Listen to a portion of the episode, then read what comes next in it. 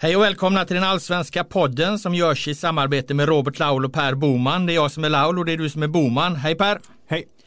Idag ska vi fortsätta att prata om det enda som går att prata om just nu. Den hysteriska toppstriden, guldstriden och den minst lika intensiva bottenstriden. Men innan vi går in på specifika matcher som spelats så måste jag ta vägen via helgens stora biopremiär. För vi pratar ju om Dark Knight eh, här i podden härom här om avsnittet. Filmhistoriens bästa trilogi, trilogi. Och nu har Todd Phillips Jokern haft premiär. Jag har sett den två gånger redan i helgen här. Och det är en enorm film enorm. Den är kolsvart, den är fem kolsvarta plus. Den har inte mindre än två Inception-gåtor. Ni som har sett den vet vad jag menar. Välkomna att mejla era teorier till robert.laulet.aftonbladet.se. Eh, I alla fall Arthur Flex då, det vill säga Jokern innan han blir Jokern, hans första kommentar i den här filmen är ju en blinkning till Dark Knight för han säger Is it just me or is it getting crazier out there? Och det kan man ju verkligen då säga om den allsvenska toppstriden. Vi har alltså två lag på 59 poäng, två lag på 56 poäng och de på 59 poäng har ju dessutom svårast schema för Djurgården har ju både Blåvitt och IFK Norrköping borta och Malmö FF har både Hammarby och AIK kvar att möta. Bayern då på plasten på Tele2 och AIK hemma. Detta inom loppet av en vecka då de dessutom lirar Europa League mot Lugano. Så det är tre extrema matcher på en vecka där för Malmö FF. Medan Hammarby och AIK då på 56 poäng har ett lite lugnare schema. Eh, så att tre av de här lagen kan ju hamna på 65 poäng. Dock inte alla fyra eftersom de möts då. Men, men Hammarby, Malmö, Djurgården kan hamna på 65. Eller så kan Hammarby, AIK, Djurgården göra det. Eller AIK, Malmö, Djurgården. Eller så kan ju Malmö FF eller Djurgården då förstås ta 66 eller 68 poäng också. Men jag tror att vi får tre lag på 65. Jag tror att de tre lagen är Hammarby, Malmö, Djurgården. Och jag tror att Hammarby vinner allsvenskan på målskillnad. Per Boman, kommentar. Eh, det var frenetisk inledning, eh, mycket att ta in. Eh, jag såg att The Guardian bara gått två plus till den nya Joker-filmen. Kommentar på det? Ja, de gör ju bort sig fullständigt, det är det enda jag kan säga. Det, det, det är ett lika missvisande betyg som att de gav Ad Astra 5. Mm, det, det köper, köper du? Det köper jag. Eh, utöver, alltså att, att tipp, nej jag tänker inte säga vad jag tror om uh, guldsidan. Jag har gett upp tippandet både bottsidan och guldsidan. Det, det är förbi nu, det känns dumt och onödigt. Eh, Eh, eh, och att jag nästan, jag tycker nästan att det är mer jobbigt än roligt när det är så här, när det är så tajt i toppen liksom. Jag hade gärna sett att det var två lag man kunde koncentrera sig på snarare än fyra för det blir nästan för mycket att ta in. Men du fick ju ett upplägg där. Du kan du i alla fall, eh, du sköt sönder min, eh, min, min filminledning. Du kan ju skjuta sönder min teori om hur det slutar också utan att själv tippa. Så några svagheter i den? Uh, att det blir alltså Hammarby, Djurgården och Malmö eller Hammarby, Malmö, Djurgården då som hamnar på, på de här 65 poängen. Nej jag tror inte alla kommer hamna på samma poäng. Det känner jag mig tämligen säker på. Jag tror till exempel att något av Hammarby och Malmö vinner den matchen. Eh, och bara det tror jag slår sönder dina beräkningar, eller? Om Hammarby förlorar till exempel. Ja, om Hammarby förlorar slår ju sönder mm. beräkningen. Om, om, om Bayern eh, förlorar mot Malmö så slår det sönder beräkningen, absolut. Men om Hammarby vinner den matchen eh, så slår du inte sönder beräkningen utan då lever du. Ja, men det kan vi ta upp senare. Vi ska prata lite om hur vi tror om den matchen senare, så jag, jag avvaktar. Du avvaktar. Okej, okay, då ger vi oss in på dagens ämnen och vi måste ju givetvis börja med det här eh, Stockholmsderbyt då, för det var ju kort sagt ett jävla drama helt enkelt. Det var, eh, ja alltså jag är glad att jag inte är supporter till något av lagen för det måste varit fruktansvärt oavsett vilken sida du egentligen satt på och uthärda det där. Det var ju, det var ju tufft eh, arbete. Det är svåra arbetsförhållanden får man beskriva det som. Ja, jag tycker det var otroligt svettigt. Det var en av de mest dramatiska matcherna i år och eh, eftersom vi inte ska vara blinda av resultatet utan också bedöma bedöma prestationen så får man väl nästan säga att trots att de inte skapar några helgjutna chanser sättet de tog sig an Hammarby i första halvlek i Djurgården, det var väl ändå 4 plus? Ja absolut, jag tycker att eh, Djurgården eh, eh, som första lag egentligen här nu på slutet åtminstone knäckte Bajenkoden någonstans. Mm. De gjorde ju egentligen det som IFK Göteborg och Poja försökte göra på Tele2 eh, som jag sågade eh, dem för att de i inledningen gick upp och satte den här höga tidiga, förlåt, tidiga pressen på, eh, på Hammarby och det störde ju skiten ur Bayern helt enkelt. Eh, det var länge sedan man såg eh, Hammarby så, så liksom störda och så stressade och med sådana problem att få igång eh, spelet som första tio minuterna där. Sen kommer de väl, väl, väl in i det lite grann men, men överlag är det ju en, jag skulle säga att det är en, en halvlek som är i 60-40 favör till, till Djurgården. De, de har ett par liksom halvchanser till och med någon, någon eh, riktig målchans kan man ju säga medan Hammarby har ju egentligen bara Rodic skott som då går, går tätt utanför stolpen. Ja, och Tankovic-läge i början också när han driver fram och skjuter utanför. Nej men det var ju också kul att lyssna på dem i, i, i pausen där när Astrid var jätte, jättenöjd. Adarevic sa att det här vi spelar precis som vi ska göra. Fortsätter vi så här så kommer vi vinna, eller vi kommer vinna sa han. Medan Tankovic skällde i princip ut hela laget. Han sa efteråt att de hade skällt på varandra i pausen och att alla var förbannade för att de inte vågade spela det spelet som de, som de brukar göra. Men det var, det var inte det att de inte vågade, det var att de inte kunde helt enkelt. Nej, de kom ju, de kom ju fel in i det i och med att de blev störda. Jag menar, Djurgården fick ju betalt för den här eh, eh tidiga pressen och Faran när du ställer upp så som Djurgården eh, sprider ut dig så och tar en tidiga press det, det är att Hammarby är så skickliga så att de klarar att spela sig igenom det och då blir du jävligt sårbar. Men, men, men så blev det ju inte utan Djurgården hade ju eh, två lägen egentligen. Antingen hade de, eh, eh, låg de med sin press tidigt eller också så låg de ex extremt kompakt och när de, då de här tillfällena de hamnar kompakt i första halvlek då bibehöll de ju eh, aggressiviteten eh, i, i, i det lägre försvarsspelet. Så att eh, de, de gjorde det ju helt enkelt jävligt, alltså alltså Une Larsson är ju magnifik mm. första halvlek. Han mm. överglänser ju Danielsson i, som mm. mittback. Han, han, gör precis allting rätt. Och, då, och, Danielsson är också jättebra för att när, när, eh, när Hammarby försöker sätta in sin, sin tidiga press, då, sin återerövringspress som de är, är bra på, då tycker jag Danielsson ganska ofta spelar sig ur den, hittar upp på Ulvestad och det som vi pratade om i vårat poddavsnitt här, att de därigenom kan ha ett ganska bra eh, eget spel i alla fall. Även om det liksom inte var, var briljant på något sätt från Djurgårdens sida, men, men, men ändå liksom de, de hamnade inte, de blev lite nedtryckta för länge. Kan du, berätta om, kan du berätta om gnissorna som slog i duellen mellan Ulvestad och Jeppe Andersen? Jag tycker att det var, det var liksom, alltså det var kanske inte som avgjorde matchen men det var det var den mest episka duellen i alla fall. Jag tycker båda, båda två var egentligen ganska bra i första halvleken. Jeppe Andersen spelar konstant på gulkorts eh, linjen och klarar sig undan med de tre första tillfällena från ett gult egentligen. Och det är ju bra gjort av en defensiv mittfältare som lyckas spela fult utan att få ett gult. Men sen åker han på den då helt enkelt. Ja. Men vet du vad som är skillnaden på Ulvestad och, och Jeppe Andersson? Vet du varför Jeppe Andersson är, är lite bättre? Nej. Ulvestad jobbar straffområde till straffområde men Andersen har jobbat med fan kortlinje till kortlinje. Han är inne i båda straffområdena i, i princip varenda gång det går liksom. Mm. Finns det möjlighet att ta in i det offensiva som man gör inför, inför Hammarbys 1-0 mål, det är han som driver upp det anfallet mm. ihop med Kasaniklic, eh, så, så är han inne i det straffområdet. Och sen är han inne och försvarar ett par, par viktiga gånger i, i, i eget straffområde också. Så det, det, skulle jag säga skillnaden på de två. Jag tycker, jag kan inte heller riktigt förstå vad som händer när Hammarby gör två mål. För jag tycker Djurgården inleder för andra halvleken helt okej. Okay. Alltså första minuterna. Mm. Och sen släpper de in två mål på ingen tid alls. Och visst, jag har sett Djurgården förut ha svårt att de har, de har ibland haft svårt att, vad ska vi säga, ehm, eh, täcka den ytan. Det har hänt i derbyn förut eh, när de har slagit den här långa bollen över deras mittbackar och sen har de kommit in från sidan. Mm. Om, om man nu gjorde det Djuric och sådär. Men, men det kändes AIK gjorde ett sånt exakt, mål i det första derbyt. Men då hade de ju, då hade de ju inte ordinarie eh, eh, Ulvestad och mittback tror jag. Ja precis. Nej men jag kan berätta vad, hur jag ser på den situationen. Alltså det som händer är ju att eh, de, de tappar ju, de har ju ett anfall Djurgården. De tappar bollen lite onödigt, det kan man ju säga då. Men det är, det är ju sånt som händer. Men där är de jävligt eh, snabba på att ställa om Hammarby. Det är en av, en av få liksom eh, den typen av öppna omställningar som de har fått så långt. Och det är ju just Jeppe Andersen och Hasan Iklic som driver upp det här. De tar ju bollen hela vägen in i straffområdet. Och sen åker den ut igen och då har Simon Sandberg, högerbacken, flyttat upp. Vad han egentligen normalt borde göra där, det är ju att lämna över den till Darijan Bojanic som står fem meter ifrån honom. En kort kortpassning, så brukar de alltid göra. Men istället sätter ju han eh, så, så, sätter ju han in bollen. Och varför gör han det? Ja, jag vet inte om han då ser att eftersom Hammarby i sekvensen innan har tagits in i Djurgårdens straffområde så har Une Larsson, han har varit tvungen att, att, att följa med en löpning ut så att han har hamnat på fel sida av Danielsson. Danielsson är inte rätt orienterad i den situationen. Jag tror inte han vet att, att Une Larsson är på fel sida. Jag tror att han tror att han har som vanligt Une Larsson till höger om sig. Mm. Därför Därför faller inte han på det sättet när den här långa bollen kommer. Eller också så tror han att Vittry kommer komma in där. Men vi vet att är det något Aslak mm. Vittry är dålig på så är det just att, att komma in och täcka. Han har blivit avslöjad flera gånger i årets allsvenska, bland annat i derbyt mot AIK på en sån boll. Och han ser helt enkelt för sent att Nikola Djurdjic har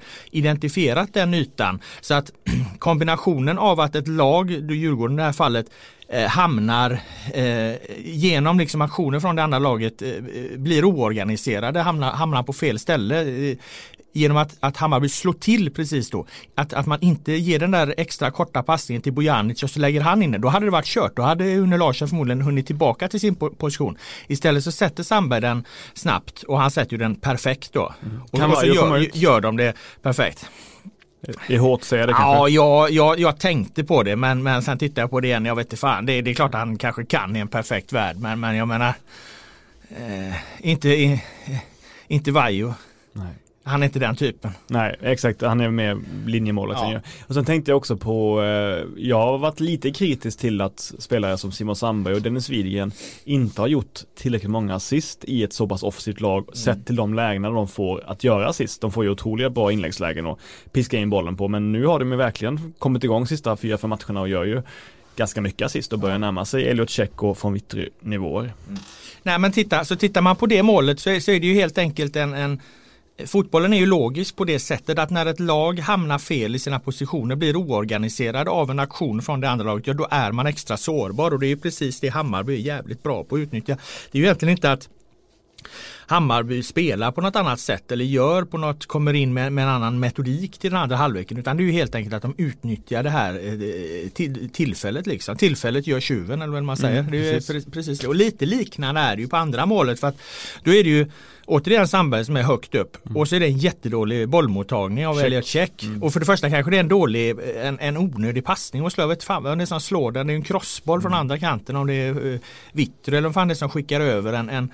en ganska uh, besvärlig boll för Check i det läget. Men alltså mottagningen är ju ändå för dålig och, och Sandberg skäller ju helt enkelt bollen av honom och sen så Ja, då har de återigen satt sig i ett väldigt, väldigt bra läge och, och gör inga misstag där heller. Passning till Kasaniklic och så avslutar han, han kliniskt. Men, men grunden till det är ju den här svåra bollen men kanske framförallt mottagningen av Käck. Så att där utnyttjar de ju ett rent misstag vid, vid det andra målet. Så de utnyttjar ett misstag och de utnyttjar en, en logisk eh, konsekvens av, av, eh, av hur, hur fotboll kan bli när lag blir oorganiserade. Det är ju egentligen Hammarbys två mål. Mm. Efter den eh, helt riktiga utvisningen så, så får ju Djurgården ett av de värsta trycken jag sett ett lag få på, på, eh, på en motståndare under säsongen. Och måste, ja, det var brutalt. Ja, alltså. och jag tycker ju Hammarby tycker jag var tappra. Men jag tycker inte de försvarade sig så jävla bra egentligen. De stoppade väldigt få inlägg. Det kom ju in säkert 12 tuffa inlägg att ta hand om i straffområdet där Djurgården vann nog 80% av första duellerna och hade lite otur att inte det bara ramlade vid någon lagkamrat eller så att de inte kunde eh, sopa upp bollen och in i mål liksom. Så jag känner ju inte att, jag känner att som sagt att Hammarby var jättetappra och slet för varandra. Men de var inte så bra på det spelet, vilket inte är så konstigt för det har aldrig hänt under allsvenskan att de tvingas försvara sig på det sättet. Nej, men jag skulle ändå kunna jämföra det med slutet AIK. mot AIK mm. där och, och, jag skulle säga att eh, jag tycker att man, man, kan också vända på det. Djurgården har ju en bra forcering. Ja. De flyttar bollen ganska snabbt ändå i sin backlinje när de har tryckt ner Hammarby. Och eh, inläggen kommer mer från kanterna och det är också bättre kvalitet på dem. Tycker Danielsson har ett par, par bra liksom. Buja vinner säkert fyra av de första duellerna. Ska ja. vidare så är det ingen på bortre och så vidare. Men så, så, att de, gör ju, de tar ju fram sina, sina chanser eh, bra, eh, bra, liksom. Och det är klart att i, i, en rättvis värld så trycker de in en kvittering. Det tror jag till och med att eh, Hammarby-fansen håller med om och Hammarby-spelarna själva också. Jag mm. menar så mycket chanser har de ju. Mm. Eh, men man får inte, jag menar det var väl Lagerlöf, Thomas Lagerlöf, tränaren som sa det på presskonferensen att, och, och vi har konstaterat många gånger på att målvakten är ju också en del av, av ekvationen. Han gör ett par otroliga räddningar.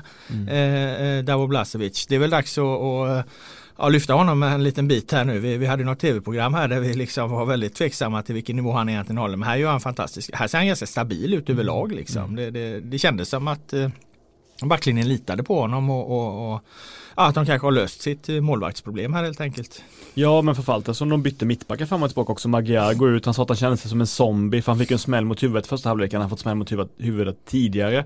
Och han sa att han kunde, det verkar som att han har spelat under en lång period där han inte riktigt visste vad han gjorde. och, och, bara lyckats försvara sig trots att man då är, är snurrig och virrig och, och har ont i huvudet var ju imponerande. Men sen så kom ju Solheim in och han är ju jättelojal och, och fin och sådär men han är kanske inte, ja, kanske lite underskattad huvudspelare också men det kanske inte just han man vill ha i mittförsvaret när de, när de dunkar in. Men sen kommer ju Fällman in också men, men eh, Nej men på något plan så Tankovic sa efteråt att det var väldigt skönt att veta att vi också kan kämpa till oss poäng sådär. Eh, och det finns väl någonting i det. Eh, att de underkastar sig ändå det, alla de tre offensiva spelarna och försöker pressa och sådär, även om de inte kanske gör det jättebra sista halvtimmen. Mm. Nej, men eh, med det sagt då att, eh, att eh, Djurgården ja, förtjänar ytterligare ett mål liksom sett till vad de skapade om man, man tittar liksom på, på chanser och så här absolut. Eh, så är det ju absolut ingen överraskning att Hammarby den här matchen kliver in och gör två mål. Jag tror vi sa det innan att eh, det finns en sak som är säker med den här matchen och det är, Bayern, det är att Bayern kommer göra mål. Kommer de med ett mål, två mål eller tre mål? Det vet jag fan. Men de kommer göra mål liksom. Mm. Eh, för, för, för, att de vet hur de ska göra mål. Och eh, även om de som sagt hade problem med sitt grundspel i första halvlek så, så, så, vet de hur de ska göra mål. Och när lägena dyker upp så, så, så tar de dem. Eh, och det måste ju också in i, i den här ekvationen. Jag, jag, var inte lika säker på att Djurgården skulle göra mål ändå. Mm. Nu blev det en sån matchbild, särskilt efter utvisningen då de skapade tillräckligt mycket chanser för att trycka in ett andra mål också. Men då hade de ju redan släppt in två och försatt sig i en situation där de var tvungna att, göra det och då blir det de här oerhört små marginalerna som, som avgör och det var det ju sannoliken i den här matchen. Billborn tar ju förstås med sig jättemycket glädje över att de får med sig tre poäng och verkligen eh, utmana i, i guldstriden. Men tror du att han är bekymrad över hur Hammarby såg ut i den första halvleken?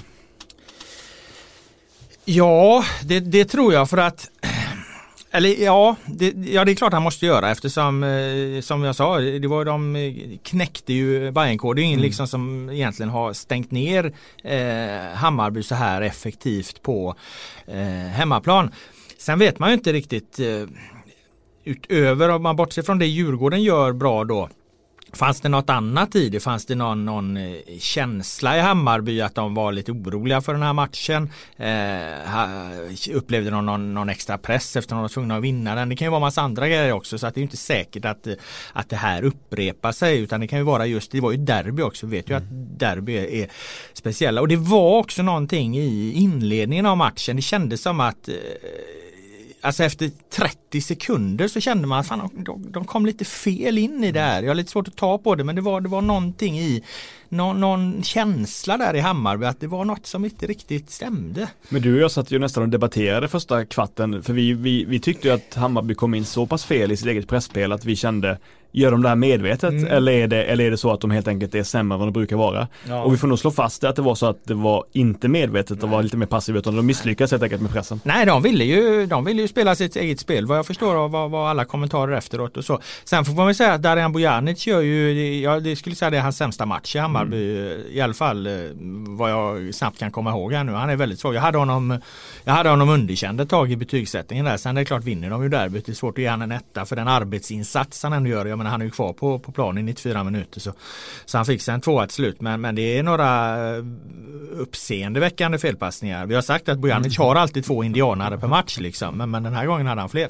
Men jag såg också, Djurdjic var inte intressant. För i första halvleken jag fattar att de har platsbyten och de, eh, de, de tre eller fyra längst fram byter positioner med varandra och så vidare. Och så där. Men ett tag var ju Djurdjic nere liksom han var ju nere som wingback nästan, vänster wingback och väntade på bollen och öppnade upp ytan och sådär men kom jättelångt ner och han sa efter jag sa efter matchen att Jeppe Jansson har varit på honom i pausen och så sagt så nu får du fan vara liksom centralt och då sa han ja jag lyssnade på det och så var jag med centralt och sen så blev det bra men vad fan det är ju det folk har sagt i, i, i flera år nu att han, att, han, att han är jättefin när han droppar ner och att han är bra när han är rörlig men att han måste vara ännu mer straffområdet men det har ju nästan alltid avfärdats när, när man har sagt det till Billborn och sådär och till Djurdjic själv men nu sa han att han lyssnade på Jesper Jansson och höll sig mer centralt och så nickade han in bollen också. Ja, han höll sig där en gång i alla fall. Mm. Riktigt. Nej, men han gör ju ett oerhört jobb. Ja, alltså, och, och, eh, det är klart att han, eh, han vet ju när han ska ramla, han vet när han ska ligga kvar lite extra, han vet när han ska dela ut ett eh, tjuvnyp. Liksom. Han gör ju allt det här oerhört skickligt. Alltså, jag förstår ju att det är fruktansvärt frustrerande för eh, motståndare och, och, eh, och så. Men, men, men eh, den spelaren och ha honom i laget. Han har ju någonstans liksom burit den här ledartröjan i, i Hammarby hela den här säsongen och han gör ju det någonstans fortfarande. Eh, en annan sak som är rolig, det var ju efter matchen så står min kollega Malin Wahlberg och ska intervjua Vladimir Rodic och tänker väl att nu kommer han ut, kommer ut och vara, och vara jätteglad över att, eh, över att de vann derbyt sådär. Men då säger han, då säger han, jag måste bara få kommentera en sak. Och då är han så jävla förbannad på att han inte har vunnit priset som månadens spelare, eh, utan att det gick till Sead Haksabanovic. Så då säger han så här, jag måste bara få kommentera experterna och deras expertis till månadens spelare. AC och CD är otroliga spelare, men seriöst, statistiken borde tala för sig själv. Jag vet inte vem som har valt, vem som har valt, det kommer alltid en ny månad. Men jag vet att jag förtjänar det. Jag vill inte snacka om mig, jag pratar bara om fakta. Jag har gjort sex mål på tre matcher. Ett, ett av dem jag var mot AIK. Det borde borde säga något. jag tycker ändå att det är, ett, det är ett speciellt fokus. Jag kan respektera det för att det är underhållande men det är ett speciellt fokus. Ja, det är, jag tycker han har 100% rätt Radic. Alltså, han har tre starter och sex mål. Han blir inte månadens spelare. Sitt inte du i den här jävla juryn. Jag kan meddela att jag gör det. Vad fan, vem, vem röstar du på? Sead eller Radic? Båda, två fick, båda, båda två fick poäng av mig i den här. I den ja, vem fick flest då? Det fick Sead. Det fick Sead faktiskt. okay. eh, ah, jag tycker att han var bättre i spelet. Men jag vill bara säga så att det är ju, det, jag tror att det är fem journalister och alla lagkaptener och massa, massa tränare och sånt. Så det är väl typ 30 man i den här juryn.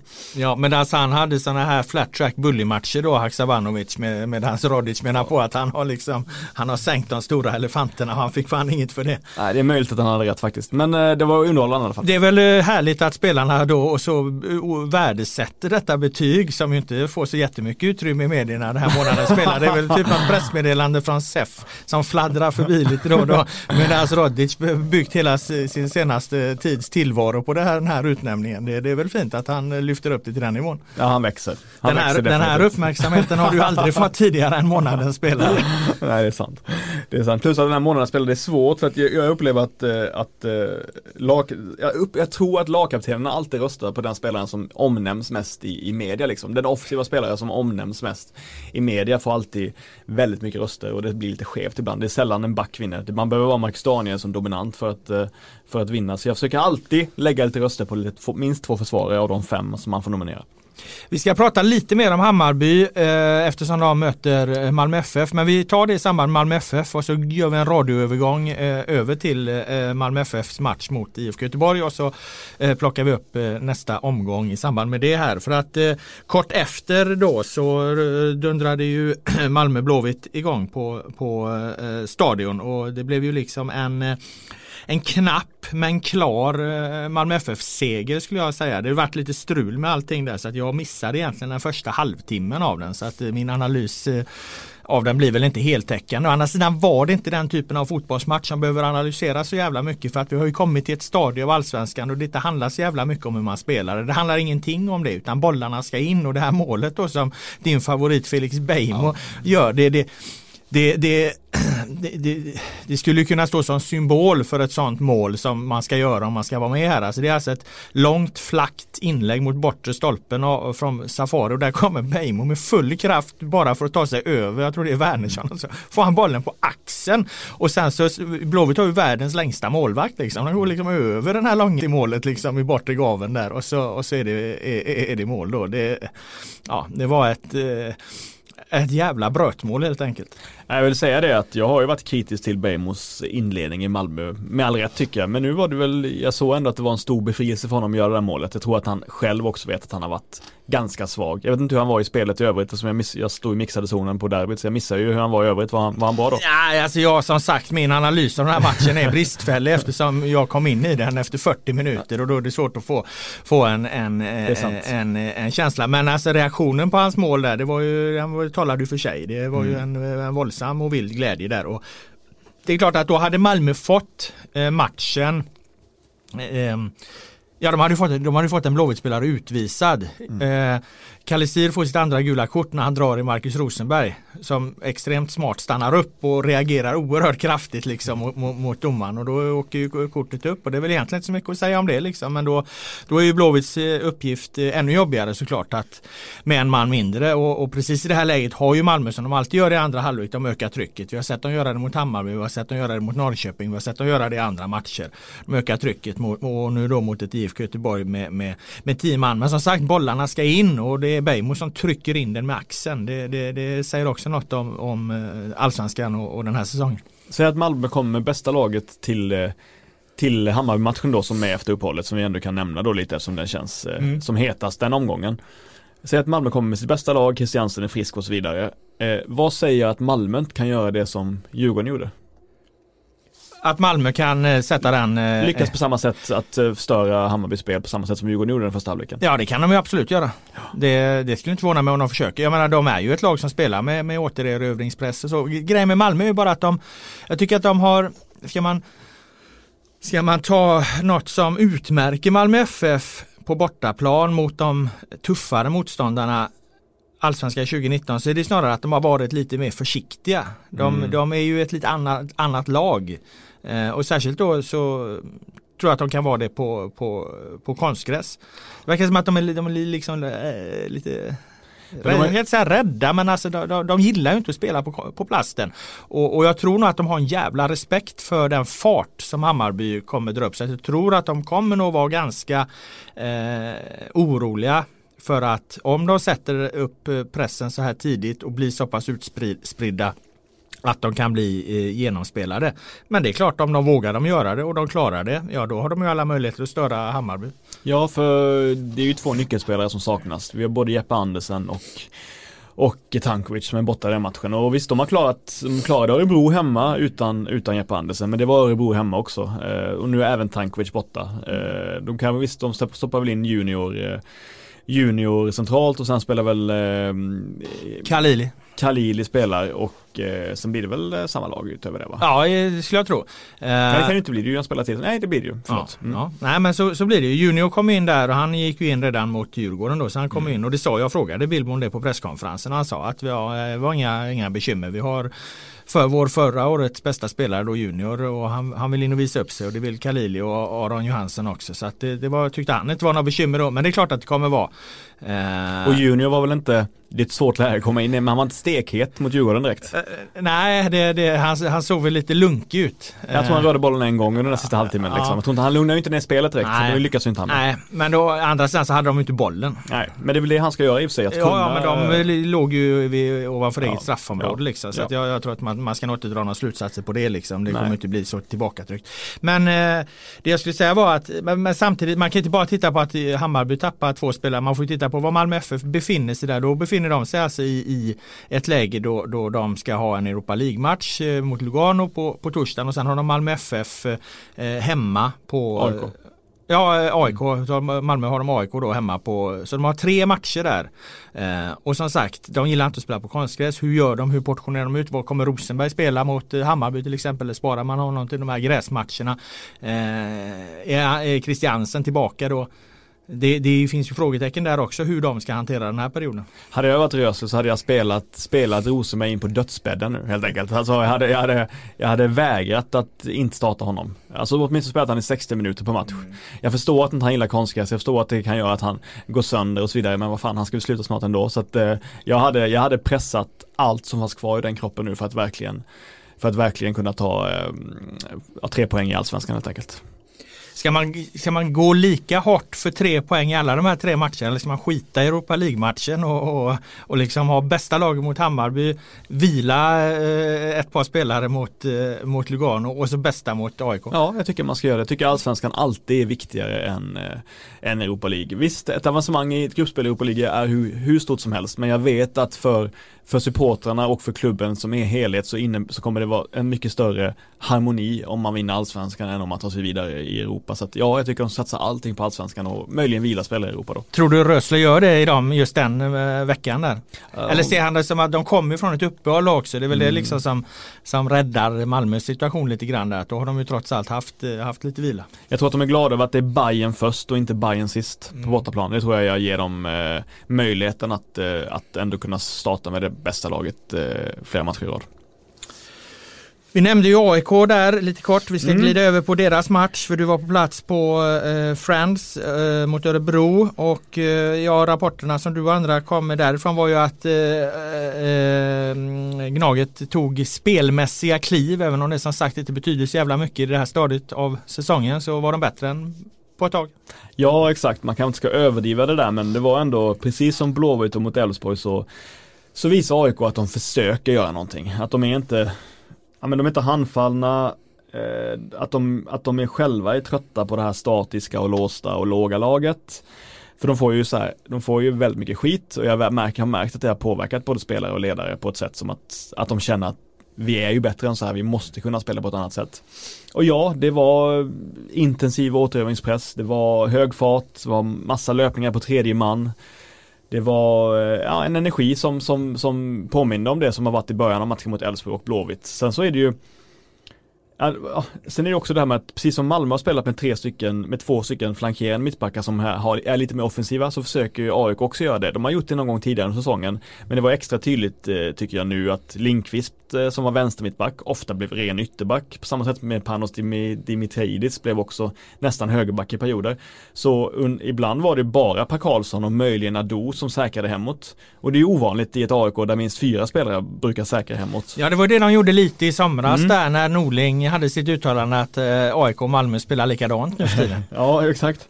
Eh, och så att, att eh, samtidigt som Saletros och Robert Lundström liksom försökte köra det här Manchester City-sättet att centrera och som wingbacks då komma inåt och, och man kan säga att Saletros är lite mer van än, än Robert Lundström med den typen av eh, aktioner. Så att det, det, var liksom ingen, det är ingen, det är ingen revolution men de försöker saker och det ser bättre ut, det händer, det händer och sådär. Händer nya grejer.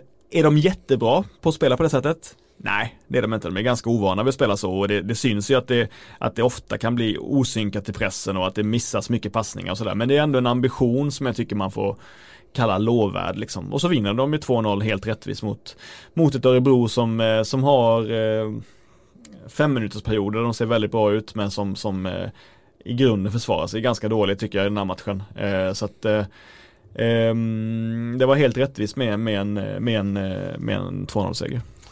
När de kommer till eh, stadion i Malmö då, eh, mm. där de befinner sig just nu mot ett Malmö då som har spelat eh, två tuffa matcher oavsett om de har vilat folk eller inte i Europa League som vi inte eh, vet. Eh, utifrån där AIK befinner sig nu, kan de, ta, kan de vinna över Malmö?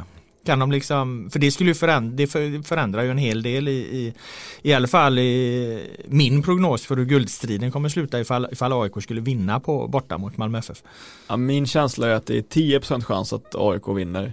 Att det är Mom deserves the best and there's no better place to shop for Mother's Day than Whole Foods Market. They're your destination for unbeatable savings, from premium gifts to show-stopping flowers and irresistible desserts. Start by saving 33% with Prime on all body care and candles. Then get a 15-stem bunch of tulips for just $9.99 each with Prime. Round out Mom's menu with festive rosé, irresistible berry chantilly cake, and more special treats. Come celebrate Mother's Day at Whole Foods Market. 30% chans att det blir kryss och att det är 60% chans att Malmö vinner. Blir det rätt matematiskt blir det va? Ja det blir ju 100% 60, så, exakt. Det, så jag, eh, jag, jag, tror att, eh, jag tycker, anser helt enkelt att uh, Malmö är stora, stora favoriter oavsett om, om AIK försöker ändra spelet och nej, borta mot Malmö tror jag inte de kommer spela på samma sätt som de gjorde nu mot Örebro. Då tror jag att de kommer gå tillbaka till på sättet de spelar som mot Häcken borta eller eller så, den typen av spel. Så att nej, jag, jag, jag tror att de kommer vara väldigt defensiva borta mot Malmö. Det blir ju, det är ju svårt att veta exakt vad det blir för, vad det är för förutsättningar där liksom. För att jag menar om, om, om om Hammarby till exempel har vunnit över Malmö då och mm. AIK också har vunnit sin match och Djurgården har förlorat sin mot, borta mot Blåvitt i, när vi är där så är det ju helt andra förutsättningar än vad det egentligen är, är, är nu. Då, då, det innebär ju att i så fall då står ju alla lag på exakt samma poäng. Liksom. Mm. Men som sagt, jag mår nästan illa när man tänker på det, att det blir, det blir för mycket att ta in. Jag hade ju en krönika på min, min rugbyfall, överlever fansen den här avslutningen? Alltså, jag backade ut till 1968 där då fyra lag hamnade på, på lika många poäng. Fyra lag på 27 poäng och det var allsvenskan fick avgöras på målskillnad. Ja men vi ska ju, vi ska ju kanske ranka de allsvenska guldstriderna, vilka som har varit bäst genom tiderna. Ja vi ska ju tillbaka till 68 i alla fall för då har vi att göra. Ja exakt, Nej, men på, på, på 00-talet i alla fall. Eh, och då är det väl svårt att tänka sig något som har varit mer dramatiskt. Ja, jag vet inte fan alltså inte med så här många lag i alla fall. Så, eh, för målskillnaden blir ju intressant här nu. Jag menar Malmö har ju mm. bäst målskillnad nu. De, de, har ju, de har ju 35 eh, plusmål och sen har du har ju, är ju nu eh, eh Bayern uppe på 31 plusmål. Mm. Så de har ju gått förbi Djurgården som står på 30 plusmål va? Jag tror att de har fem mål sämre än Malmö. Ja, mm. de står på 30 då plus. Och sen har du AIK en bra bit ner. Så AIK ja. är ju plus 20 så att de, de är borta ifall det blir en målskillnadshistoria. Det får, får man ju tänka på. Eh, men eh, jag menar skulle Hammarby till exempel vinna med 2-0 mot eh, Malmö FF eller två mål då. Då, är mm. de ju, då står de på exakt samma målkort också. Mm. Så att det, det är många, många oerhört dramatiska scenarion som går att spekulera fram där. Ja, nej, eh, det, det var, eh, jag tror inte jag har något mer att säga heller om AIK Örebro egentligen. Men du eh, var den som avslöjade, eller avslöjade, det var ju öppna banderoller, men du hade ja. en artikel som blev väldigt uppmärksammad sen. Så jag såg att både SVT och radion och alla medier plockade upp de här eh, hatbanderollerna mot polisen som var på, på Friends. Ja, jag noterade inte det under matchen. Jag noterade bara att eh, Eh, ganska kul banderoll när, när AIKs fansen skrev att vi förhandlar inte med terrorister tycker jag väl, ja det var, det var väl glimten i ögat i så fall. Men sen så kom ju de banderollerna om, om nackskott och så vidare, om, om, eh, om att ja, när det namngavs poliser och så vidare där, där de förtjänade en kula och så vidare. Eh, och jag, jag bara landar i det som jag sagt förut i podden att vill man vara en en bred folkrörelse där man får folklig förankring för sina krav i, i, i konflikt med polisen då kan man inte, då tror inte jag att man kan vara så pass pojkrumssekteristisk som jag ändå måste säga att den typen av banderoll är. Det, låter... det där måste ändå vara värre än pojkrumssekteristisk. Jag skulle säga att de är rätt vedervärdiga ja, och det... avskyvärda de där banderollerna. Mm. Jag tycker att eh, eh, vad heter han, Jens T. Andersson förtjänar eh, all cred som kliver rakt ut och, och, och för, fördömer det här utan förbehåll i starka ord som han säkert kommer få en hel del eh, skit för att kommer göra hans arbetssituation situation eh, klart eh, mer besvärlig. Jag tycker det var väldigt modigt av, av Jens T Andersson och, och, jag hoppas att han får uppbackning av svensk eh, fotboll i övrigt. För det är precis som du säger, alltså vill man, liksom, vill man att fotbollen ska växa i, i Sverige och, och, och, eh, locka fler och attrahera fler och så, så, så är, är, det ju här, det här är totalt kontraproduktivt. Det här skadar ju svensk fotboll oerhört. Det förstör ju jättemycket. Ja men det, det, visar också på ett enormt, alltså man har ju jobbat senast för att det ska man har sagt att det är ingen avstånd mellan, mellan de olika supporterna. Vi, vi gör det här ihop liksom med den typen av banderoller, vi, då, då, då, då, visar man ju på ett enormt avstånd mellan, mellan eh, vissa av de drivande i supporterrörelsen och den stora allmänheten liksom. Alltså det är ju, det är sånt, det är sånt, det är så det är så strategiskt idiotiskt tror jag att hålla på så liksom. Ja, tyvärr så kan ju inte jag säga att jag blev särskilt förvånad eh, av det här för att min bild av den här delen av supportrörelsen är att de befinner sig ungefär på den här nivån.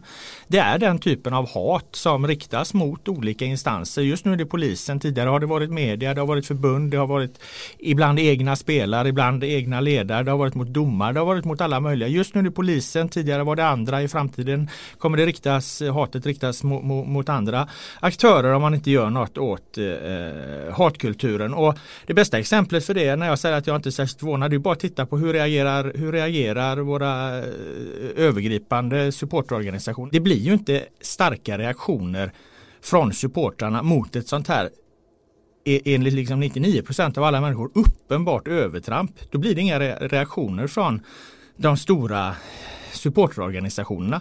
Och, och, och, då blir ju den, det liksom allmänna omdömet, ja, ja men det, det, det, det, är ju de här strömningarna som finns där och då går det inte att vara särskilt över, överraskad att det sker.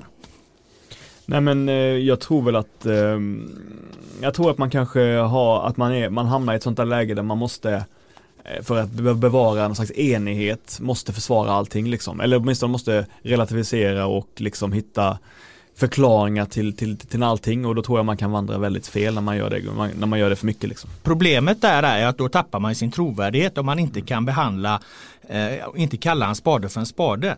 Eh, vi ägnar ju ganska mycket tid åt att lyfta tifon, hylla det som är bra men det gör ju också att då kan vi också med kraft slå ner på det som är dåligt. För att det, det, det är så man måste förhålla sig till saker. Om man bara liksom försöker släta över allting och inte gör någon skillnad på, på, på saker och ting. Då blir det ju ingenting kvar. Då blir det bara en sörja av det. Eh, du satt ju och slet med, med betyg och analyser och, och betraktelser av eh, tifona då från eh, derby till exempel igår. Vi ger det ett stort utrymme för att det där är ju fantastiskt bra. Där går ju att hålla två saker i huvudet. Ja det var jättebra tifona i, i derbyt, de här banderollerna är bedrövliga som var på, på Friends. Absolut. Och så borde ju, så, så, tycker jag att stora supporterorganisationer, SFSU till exempel, om de nu gör anspråk på, på, på att vara en röst i debatten, då måste de ju kunna förhålla sig till sådana här saker, saker också. Jag tycker i alla fall ja. Ja, enig. Vi lämnar eh, eh, den diskussionen och vi lämnar eh, guldstriden därmed. Eller har du något mer att säga om den övergripande guldstriden? Det laget som vi inte har tagit upp så mycket om den närmsta framtiden här är väl egentligen då Djurgården. Vi kan väl bara stanna till lite kort vid deras fortsatta resa här också eftersom det dröjer ett tag innan vi spelar in podd igen i och med att det är landslagsuppehåll här. Men de har väl någonstans kanske tillsammans med Malmö då det svåraste schemat. De har både Blåvitt borta och de har eh, IFK Norrköping borta. Och Blåvitt gjorde överlag en ganska bra insats mot Malmö måste jag ändå säga, även om Malmö är klart bättre. Men sen får de som sagt en spelare utvisad och det, det, det förändrar ju en, en hel del. Och framförallt på hemmaplan har ju Blåvitt varit en, en, en svår nöt för de flesta storlag att knäcka. Så att eh, ett kryss är rimligt i den matchen, absolut. Ja, jag tror att jag i min prognos faktiskt sa att, att, de inte, att de förlorar den matchen, Djurgården. Jag tror så här med Djurgården, eh, de har förlorat fyra matcher i år.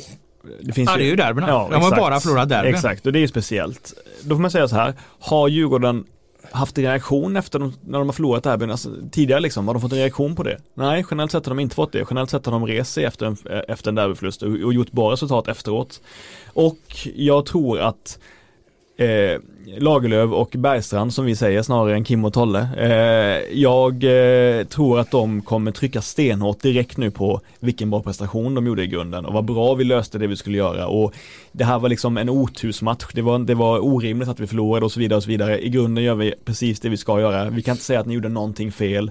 Allting ser bra ut. Fortsätter vi på samma sätt så kommer vi vinna bla bla bla bla bla. Jag tror att de kommer vara, jag tycker de trycker in det budskapet hos spelarna och jag tror de kommer lyckas med det också. Så att eh, eh, Eh, det gäller ju bara för Djurgården och trots att liksom det där krysset hade betytt allt så, så gäller det bara för dem att förstå att läget inte är så illa ändå. Nej det är det ju absolut inte. Jag menar de, eh, som sagt, jag är inte alls säker på att Malmö tar tre raka här på slutet och, och gör, gör, vinner Djurgården sina matcher så, så tror jag att de kommer vinna allsvenskan. Grejen är att jag tror inte Djurgården kommer vinna alla de här tre matcherna. Jag tror till att börja med att de kommer få stora problem i Göteborg. Men du tror att Bayern vinner alla matcher?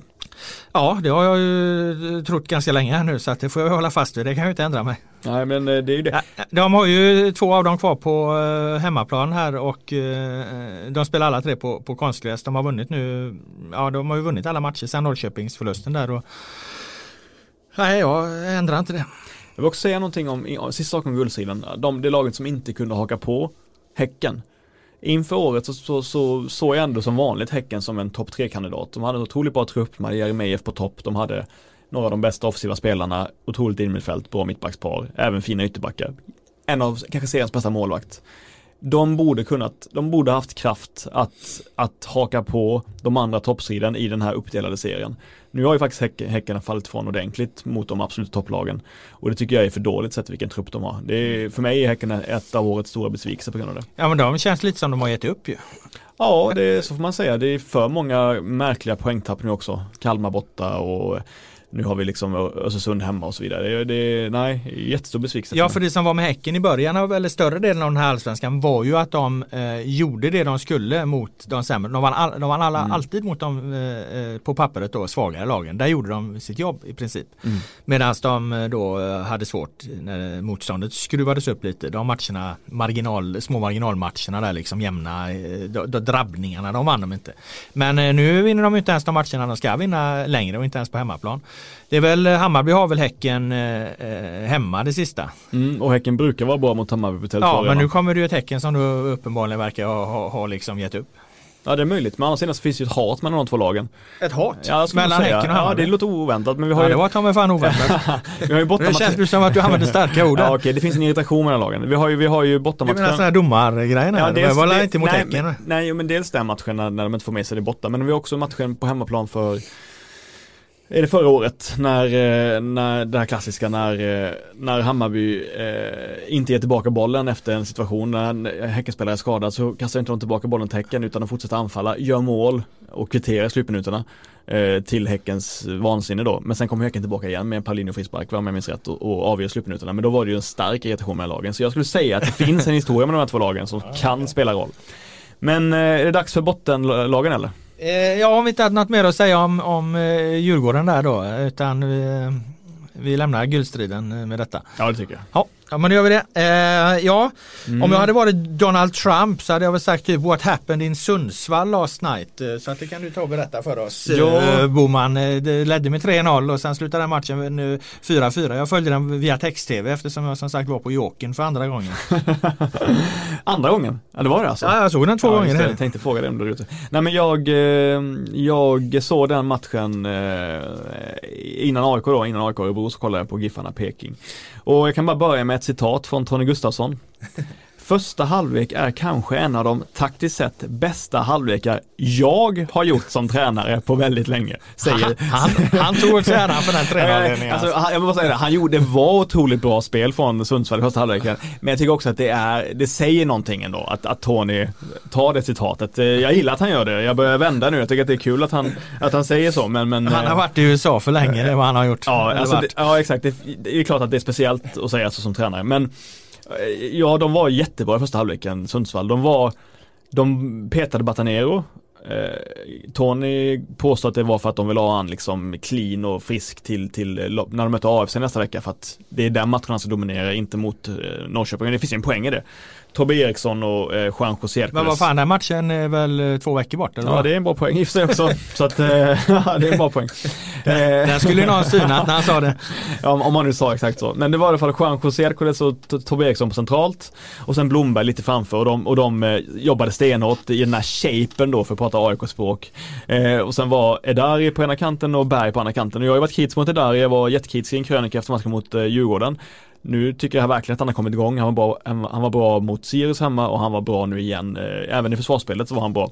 Framförallt första halvlek då är där och sen jättefina framåt. Och de låg lågt. De fokuserade på att täcka ytor och passningsvägar. De var jätterörliga i, i eh, omställningen. De kanske hade fyra omställningar varav tre blev mål. De körde Peter Wilson som, som central anfallare, vilket de ut senaste tiden, vilket är helt rätt med tanke på att han har dem, den typen av egenskaper. Vi sa vi tidigare att han borde spela central anfallare, gå i djupled. Det gjorde han och var jättebra på det, som han, han kan ju spela det spelet. Jag, inte, jag kan inte minnas att jag sett Giffarna spela den typen av fotboll någonsin nästan, alltså, eller på jätte, jätte, jättemånga år. Och det var eh, på något plan inspirerande. Och det var ju då som sagt en av de bästa halvlekarna rent taktiskt som Tony Gustafsson har gjort. Eh, och det är liksom, det var för första gången på jättelänge så slog Giffarna långt färre passningar än motståndarna. De slog 471 passningar mot 574 för Norrköping. De hade bara 40% bollinnehav. Det är inte alltid, sällan man ser det för Giffarna på hemmaplan. Det händer i princip aldrig. Och de vann jättemycket närkamper. Eh, alltså det är ju, det är ju en helomvändning. Ja precis, alltså. så att, du kanske, du håller med att det var den bästa taktiska insatsen som, som Tony har gjort? Ja, jag såg ju inte matchen men jag menar det är i alla fall den största förändringen som någon har gjort i årets allsvenska skulle jag säga för att även om Giffarna har förlorat sina matcher så har de ju alltid haft ett jättelikt bollinnehav och slagit enormt mycket passningar. Enormt mycket onödiga pass, passningar. Alltså och, om de här siffrorna som du nu säger, de hade jag själv inte ens hunnit kolla upp så är ju de eh, sensationella för att vara GIF Sundsvall. Och jag upplevde att de också, de var, inte, de var låga men de var inte passiva vilket gjorde att de pressade ändå på egen plan pressa, så började de pressa ganska högt upp vilket gjorde att när Norrköping kom till inläggslägen så var det ganska långt ifrån och Nyman vann inte så mycket och så vidare. Så de, de, de försvarade sig väldigt bra. Sen så... Eh... Vad gjorde eh, Tony Gustafsson för fel i eh, andra halvlek ja, exakt, exakt. Jag pratade med en polare om det. Vad, vad var följdfrågan om Tonys andra halvlek? Men jag har inte sett något, eh, något svar på det. Men det är Tobbe Eriksson sjabblar med bollen i början av andra halvlek och Alexander Fransson eh, dunkar in jättesnyggt eh, första reduceringen och sen vet man ju att det kommer bli total belägring av, av Sundsvall. Ja. Och det de gör då är att jag tycker att Giffarna blir lite mer passiva och li, lite för låga och nervösa vilket är förståeligt. Det gör att Norrköping kommer med sina inlägg. De behöver inte slå sina inlägg från 30-40 meter utan kommer med sina inlägg från kortlinje och precis utanför straffområdet. Mm. De flyttar upp spelare som Rasmus Lauritsen på topp som är ju vi har sagt det hela säsongen att han är den största jävla orken. Alltså han har otrolig timing. Han har Oskar Lewicki timing samtidigt som han har eh, storleken också. Och vinner i princip allt. Han vinner kanske fem avgörande nickdueller i Ja, Kasper Larsen är väl likadan? Ja, men jag, sett, jag vill säga att Lauritsen är ännu bättre på huvudet. Ja. Ännu bättre på huvudet och Kasper Larsen är ju ändå jättebra på det också. Eh, vinner precis allt, eh, Lauritsen. Eh, och är, de är magiska på, på fasta och på inlägg i Norrköping då och lyckas slå ner Norrköping och kommer tillbaka till 3-3 på ett sätt som Ja, inte orättvist i det sammanhanget. Peking slår alltså 33 stycken inlägg under matchen. Oj. Och jag skulle säga att de vinner en majoritet av dem sen i straffområdet. Eh, Nyman gör sitt tionde mål för säsongen. Är inte det, vi snackade om det inför matchen mot AIK några stycken och det, för mig var det jag måste säga att det var överraskande för mig att han har gjort 10 mål. Det säger ju någonting om att vi har varit jättekritiska mot Nyman. Han har inte alls sett så bra ut som han borde göra. Han har egentligen haft en match där han har varit dominant. Det var borta mot AIK. AIK-matchen. Exakt. I övrigt så har han varit ganska svag och att ändå göra 10 mål, då gör han 20 nästa år om han, om han kommer, kommer i form. Um, Ja och sen så gör de 3-3 och då väntar man på 4-3. Då kontrar eh, Giffarna in eh, 4-3 efter ett slarv från, från eh, Norrköping. Johan Blomberg har sitt andra mål. Han kämpar såklart jättehårt och jag tycker att Johan Blomberg har varit, jag, jag, älskar honom som spelare och som människa men jag tycker att han har faktiskt varit ganska svag sedan han kom till Giffarna. Han har gjort en bra arbetsinsats men det har inte hänt så mycket av det han ska göra. Nu var han jättebra i den här matchen, han fick äntligen utdelning då. Sätter han sitt andra mål till 4-3. Eh, sen kommer Norrköping tillbaka direkt igen på, på en hörna och nickar in en boll till 4-4 och sen har alltså Giffarna två eller tre chanser till efter det att göra Giffarna, Giffarna har, har att göra 5-4 i spelvändningar. Och vet, Norrköping satsar ju allting framåt så att det gör ju att att båda lagen gör det samtidigt på något sätt vilket eh, blir ju speciell matchbild. Är det årets galnaste match där eller? Det är det. Alltså Johan Blomberg missar ju öppet mål vid ett tillfälle vilket är hemskt för honom. Man bara vinklar utanför på ett sätt som jag Jag, jag har en kompis som är på Giffarna som sa att han, han trodde i, fem minuter efteråt trodde han att det var mål. Han bara trodde att det var mål. Han, han, han, han kunde inte förstå att bollen inte hade gått in. Och sen så, och sen så eh, dunkade han ett till skott. Eller han, sen gör Isak Pettersson bra räddning på en Blomberg chans till sen. Så att, och sen har Oliver Berg ett benskyddsavslut slutminuterna på en Blomberg. På, på ett Blomberg inlägg. Så att det, det var det var den sjukaste matchen i årets allsvenska. Vilken jävla omgång för dramatiken, i, eller först detta då, sen dramatiken i derbyt också. Det här låter ju ännu värre. Jag måste bara säga utan att såga eller utan att liksom ta allt för mycket ära av Tony Gustafssons fantastiska första halvlek. Det känns rätt mycket som när det blir sådana här matcher att eh, det handlar om att det då på pappret så mycket bättre laget inte gör det de ska att kommer, kommer dit liksom och, och, ställer ut skorna lite grann. Hade du haft ett 110-procentigt taggat eh, Norrköping så hade Tony Gustafsson inte kunnat sitta på, på presskonferensen efteråt och säga att det här är den bästa taktiska halvlek jag har gjort. Nej men de gör ju Norrköping dåliga men det, det är ju en kombination av det. Framförallt så blir ju de tre mittbackarna avslöjade. Vi har ju varit jätteimponerade. De har alltså släppt in, de har släppt in vad var det? Ett mål på tio matcher ja, inför den här matchen. Ett mål borta mot Malmö, ett ja. mål på tio matcher. Släpper de in fyra mot Giffarna liksom, som inte kunnat göra, i princip inte kunnat göra mer än Nej, men jag menar det, det måste ju handla, det måste ju handla också ja. om, om, om, om i procent hur laddad du är, vad, vad du befinner dig mentalt liksom. De står ju väldigt högt upp, de, alltså så är det ju, ingen av de tre mittbackarna är särskilt snabba, Larsen, Dagestad eller Lauritsen. Och de står jätte, jättehögt upp och när man samtidigt inte har press på, på Giffarna när de slår de långa bollarna, ja då blir det ju, då blir det, det är ju ett recept för katastrof ofta när de ska löpa mot eget mål. De hade inte en, en chans i de duellerna, de tre mittbackarna så att eh, Nej, det, det, det var väl eh, lika delar briljans från Tony som, som eh, slapphet från Norrköping. En poäng tog ju Sundsvall med sig där eh, ifrån i alla fall och i, det gör ju en del för bottenstriden. Jag menar det gjorde ju även eh, AFC tog ju med sig poäng. Och eh, och ÖF kom mot Häcken. Och, ja precis vad det jag skulle komma in, in på. Jag menar nu är det ju GIF Sundsvall på kvalplats två poäng bakom Östersund och så har du Falkenberg på nedflyttning, en poäng bakom. Men alla, jag menar, alla de här har ju fortfarande chansen egentligen. Eh, och det, det man kan säga om Östersund är att vi har ju suttit och, och, och sagt att de tar nog fan inga fler poäng. Mm. Eh, men sen så ändrar vi oss lite efter efter Djurgårdsmatchen för där gör de ju faktiskt sin första bra prestation. Mot Djurgården så såg man, vi satt här och pratade om det på podden, man såg att det fanns någonting där. Eh, den här Jordan Atta Kadiri var mm. jättefin på topp. Mm. Och han smällde in ett, ett, ytterligare ett mål här nu då mot, mot Häcken. Ja det är väl han som är poängräddaren i den matchen. Mm. Eh, och nu har de ju tagit en poäng till. Mm. Så att eh, Ja, det var väl eh, väl att vi omvärderade den inställningen kring Östersund där så att eh, nu, nu får vi se vad det tar vägen. Eh, men eh, det är naturligtvis ett, ett oerhört eh, drama i botten. Eh, du var ju också inne på när vi satt på eh, Tele2 och skulle på, kolla på derbyt så sa du in och satsa, in och spela på ett kryss på, ja. på, på Häcken ÖFK. Du sa till mig att du skulle in och lägga pengar på det. Jag la inga pengar på det men, men eh, du kände dig också säker på att jag skulle ta poäng där. Nej men det var, väl, det var väl helt enkelt det att Häcken verkar ha gett upp lite samtidigt som att ÖFK faktiskt var bra senast och att ja. jag antar att det har varit bra eh, odds på det. Jag har ju aldrig spelat själv. Jag har aldrig spelat på en enskild match. Så jag vet inte, jag får ju jag får hetsa andra och göra det istället. Ja, ja, ja. Nu har ju Östersund eh, Sirius hemma i nästa match och det är ju deras, eh, det är ju deras räddning. Ja. Vinner, vinner de den, vilket de mycket väl kan göra nu skulle jag kunna säga. För att mm. Eh, jag menar Sirius, de, de har väl sitt på i princip på det torra i alla fall. De är uppe på 25 poäng. Det har Sundsvall tar två segrar till och jag har svårt att se det. Ja, de har Helsingborg och AFC dock Sundsvall. Ja, Ja i och för sig. Ja nej det, det fan det kanske blir. Jag kanske min, eh, min guldprognos håller fortfarande men den här bottenprognosen där när jag skrev att eh, Sirius och Kalmar är klara den kanske inte riktigt håller alltså. Jag trodde inte de skulle komma upp i så jävla många poäng men det är ju Tony, det är ju GIF Sundsvall som har eh, svängt på allting. Jag menar Falkenberg plockar ju fan inga poäng men helt plötsligt har ju GIF Sundsvall börjat göra det. Ja men det är ju intressant den matchen mellan AFC och Sundsvall. Det blev 0-0 i den här, var den där midnattsmatchen va? Ja just det. I somras va? Eller våras kanske det var. Eh, när Sundsvall bara fick 0-0 mot AFC. Eh, det var då man kände att oj, Sundsvall kanske åker ur ändå liksom. När de inte ens fick med sig resultat från den här matchen.